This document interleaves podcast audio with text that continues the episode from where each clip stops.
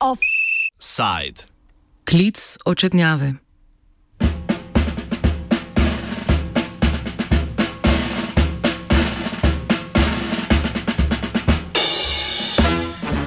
Državni zbor, ki danes odloča o izvolitvi novega mandatarja, bo že jutri začel razpravljati o predlogu zakona o vojaški dolžnosti, ki bi po 17 letih v Sloveniji ponovno uvedel obvezno služenje vojaškega roka. Predlog zakona je sredi januarja, torej še preden je premijer Marjan Šarec ponudil odstop, uložila stranka SDS. Skorajšnjim imenovanjem predsednika SDS Jane Zajanše za mandatarja naslednje vlade in vključitvijo zavez zaveze o uvedbi naborništva v koalicijsko pogodbo, je verjetnost ponovne uvedbe šestmesečnega vojaškega roka postala precej bolj verjetna. Več o političnih motivih za uvedbo služenja vojaškega roka sociolog Marko Kržan. Mislim, da se tukaj igra na dva predsotka javnosti, zlasti starejše javnosti, tiste, ki ne bi bilo treba v vojsko in to je pač, da ne bi bila mladina pomehkužena. Eh, in da je treba disciplinirati in vzgajati. Um, drugi je pa pač ta, da je Slovenija blazno ogrožena zlasti zaradi beguncev in raznih drugih groženj, s katerimi pač mediji polnijo ljudem šesa. Um, kar se mene tiče, ne, se seveda politika ne sme delati na podlagi predsotkov, ampak pač realne analize. Uh, zato ocenjujem, da je bil ta predlog podan pač zato, da bi pridobili predlagatelji uh, Eh, podporo pač enega konzervativnejšega dela, bom rekel, javnosti, zlasti starejših, tudi ni čudno, da upokojenske stranke ali pa stranke, ki izrazito nagovarjajo upokojence, um, ne bi te, te zadeve podprle. Uh, začelo se je kot en PR-ovski predlog, pozneje pa zdaj zaradi padca vlade postala to stvar dokaj resna. Slovenska vojska veliko krat opozarja, da jim manjka vojakov, a glede ponovne uvedbe naborništva se zaenkrat ni opredelila. Zakaj temu tako, odgovarja obramboslovka in docentka na katedri za obramboslovje na Fakulteti za družbene vede Univerze v Ljubljani Maja Garb. Eh, jaz si mislim, da se vojska o tem niti ne bo izjasnjevala, ali bi želeli imeti um, poklicno vojsko smo poklicno vojsko ali bi mogoče si celo želeli imeti naborništvo. Zato, ker dejansko to njihovim eh, ciljem in nalogam nekako ne, ne, eh, ne pomeni ničesar. Prvič, se niti ne, ne smejo izražati o tem, zato ker to je seveda politična odločitev. Eh, drugo pa je, da te naloge, ki jih vojska opravlja vsakodnevno, od ne nazadnje vojaških na misijah do nalog usposabljanja, um, to je seveda delo poklicnih vojakov. Jaz si ne znam predstavljati, da te poklicne vojake zamenjamo z naborniki.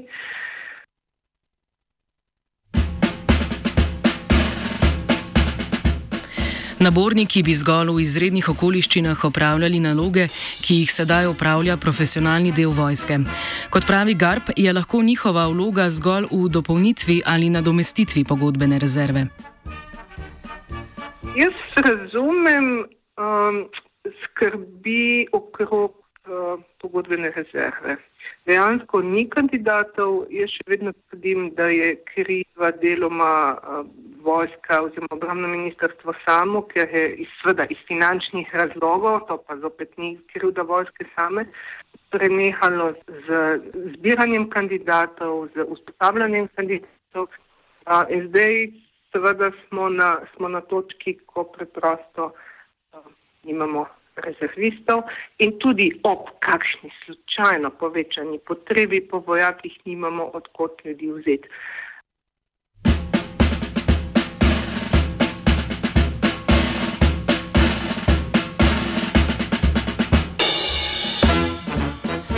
Pomankanjem pripadnikov v pogodbeni rezervi se je ukvarjala tudi nedavno predstavljena Bela knjiga o obrambi, ki je uvedbo naborništva opredelila le kot zadnji ukrep, če bi bili drugi poskusi pridobitve novih pripadnikov neuspešni. Vojski primankuje tudi pripadnikov v redni sestavi in služenje vojaškega roka je za vojsko lahko mehanizem za pridobitev profesionalnih vojakov. O tem, kako bi vojska lahko popolnila svoje vrste, Garb.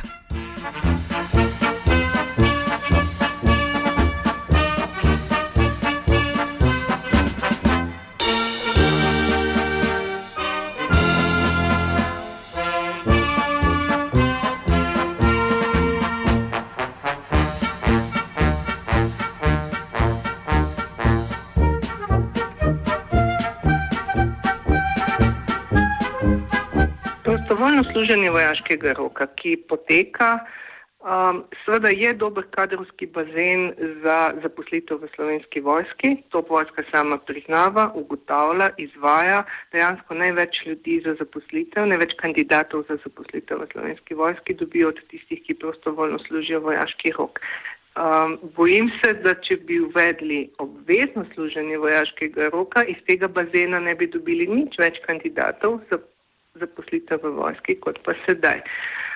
Se pravi, treba se je dodatnih ukrepov lotiti od sveda povišanja plač, um, ureditve kakšnih dodatnih ugodnosti za vojake in vojakinje, um, ne nazadnje um, tudi sestaviti dobre uh, enote, ki bodo opravljale svoje delo, ker vidimo, imamo težave z oborožitvijo, z obleko, z čevlji, z vsem tem. To daje zelo slabe znake v, v javnost. Zakaj bi se nekdo zaposli, želel zaposliti pri nekom, ki je v bistvu slaba organizacija, slab delodajalec. Pa ne vem, če je v resnici tako slab. Ne vem, ampak um, to, kar, kar dajejo od sebe neke znake, um, kaže, da, da je marsikaj narobe. No. In jasno, mladi so v takih inštitucijah neštejo. Služenje vojaškega roka je bilo pred profesionalizacijo vojske precej nepriljubljeno. To se je izražalo v tem, da se je vedno več ljudi izogibalo služenju, bodi si s tem, da so bili spoznani za zdravstveno nesposobne, bodi si s klicevanjem na ugovor vesti. Kržan. Vsekakor se jaz strinjam z uh, pozivom uh, ne gremo se vaše vojske, zdi se mi zelo inteligenten uh, naslov oziroma uh, parola, namreč vaša vojska.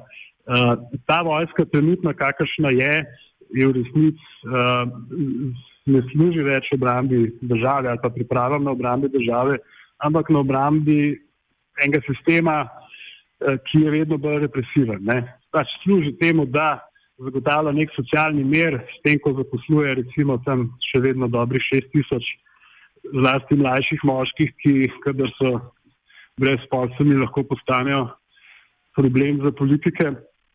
Uh, druga, druga funkcija je ta, da omogoča našemu političnemu razredu članstvo v imperialističnem klubu ne, uh, Zveze NATO.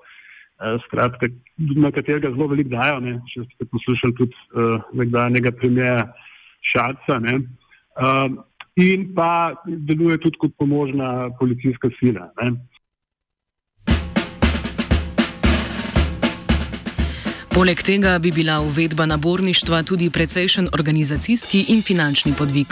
Potrebno je seveda ponovno opremiti prostore, obnoviti prostore za nastanitev, ti vojaki morajo nekje bivati. Potem potrebno, vse imamo sedaj eh, poligone, ampak eh, to so neki taki mehni poligoni. Um, ki, ki služijo za vsakodnevno vadbo. Glavni poligon je v, v centru za usposabljanje Vipava. Zdaj bi pa praktično vsaka vojašnica, ki, kjer bi imeli ob, um, obveznike, morala imeti spet nek svoj uh, poligon za, za usposabljanje.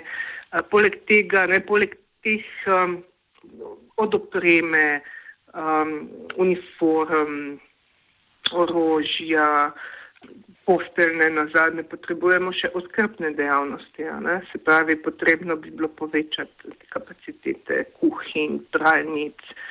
Um, dejansko zdaj mislim, da sploh nimamo več pralnic v vojski. Um, torej, to prinese zagotovo ne samo fin, fin, finančne, finančne posledice, ampak tudi organizacijo um, znotraj vojske. Potem izvajalci usposabljanja. Ne? Nekoč smo v bistvu delali kot inštruktori, jaz sem kot študentka, stažistka tudi nekaj časa delala kot inštruktor. Zdaj slovenska vojska nima, po moje, takšnega kadra, ki bi bili pripravljeni ali pa zmožni v tem trenutku nastopiti takšno delo. Imamo počasnike, imamo časnike ampak to je na nek način učiteljsko, učiteljsko delo. In pa tretja stvar so uprave za obrambo. Mi smo ukinili veliko uprav za obrambo po celi Sloveniji, ker njihova naloga je bila izvajanje postopka z obvezniki. Zaradi vseh teh izzivov je upravičeno predvidevati, da bo uvedba naborništva pomenila tudi bistveno povečanje obramnih izdatkov. Zlasti v primeru, ko obdržiš poklicno vojsko, ker to bomo obdržali v vsakem primeru. Uh, samo dodalo se, še, se, bi še nekaj, se bi še nekaj zraven. Ne? Mi ne moremo teh vojakov, ki jih imamo zdaj v poklicni vojski, prerasporediti za inštruktorje tja. Ne? Mi potrebujemo te, te vojake v, v teh poklicnih strukturah, potem potrebujemo dodatne ljudi, ki bodo usposabljali obveznike uh, in seveda denar za njih. Um, tako da, če se pogovarjamo o stroških, je računica po moje jasno. Stalo bi veliko več, kot stane uh, vojska sedaj. Um, ker, ker gre za dvojno vojsko, za, za, za dva dela iste vojske, da tako rečem. Uh, Marko Kržan opozarja tudi na družbeno in vzgojno funkcijo, ki jo ima vojska in kaj bi pomenilo, če bi bili vanjo vključeni ne zgolj prostovoljci, ampak širša populacija. Um, Glejte, jaz bi tako rekel, vsaka vojska, tudi najmanjša, je totalna ustanova. Ne? Od ljudi zahteva predvsem eno, da ubogajo ukaze. In večina ljudi to take odnose zelo slabo prenaša. Ne? Zato se danes za služenje v stalni ali rezervni sestavi, kljub uh, solidnim zaslužkom, odloča uh, zelo malo ljudi. In iz istega razloga je pred leti, ne, ko je še bila uh, obvezna ta služba, Eh, se je vedno več ljudi izognilo služenju v slovenski vojski. Um, in jaz bi rekel, da tudi velika večina starejših moških, ki danes navijajo za naborništvo, ne bi šla v vojsko, če bi se temu lahko izognili pred letom 1991. Dokler je bil predlog uvedbe obveznega služenja vojaškega roka zgolj medijski podvig opozicijske stranke, je bil odziv javnosti medu. Ko pa je naborništvo s prihajajočo vlado postalo realna možnost, je pričakovati tudi večji odziv, predvsem mladih. Na socialnih omrežjih se je tako pojavila pobuda: Nočemo vaše vojske. S pobudo se strinja tudi Kržan. Mislim, da uh, bo, če bo v četrtek eh, ta zakon v tej fazi potrjen, uh, prišlo še do veliko večjega uh, angažiranja zlasti mladih ljudi v politiki, kar je prav in zavrnitve uh, te uh, nesmiselne ne, ne uh, ideje o discipliniranju uh, mladih ljudi iz popolnoma napačnih in v glavnem izmišljenih razlogov.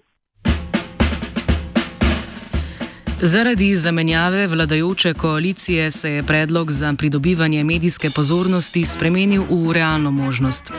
Morda je manj nenavadno, glede na takšno genezo predloga za uvedbo naborništva, da zakaj takega ni podpore v stroki ali očitno tudi v vojski, ki zaenkrat ob celotni epizodi molči.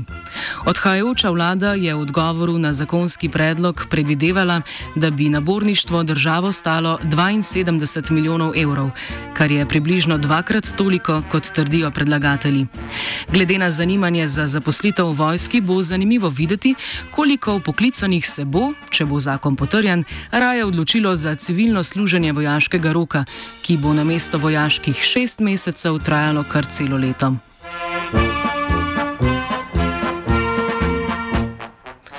Offside je pripravil Gal.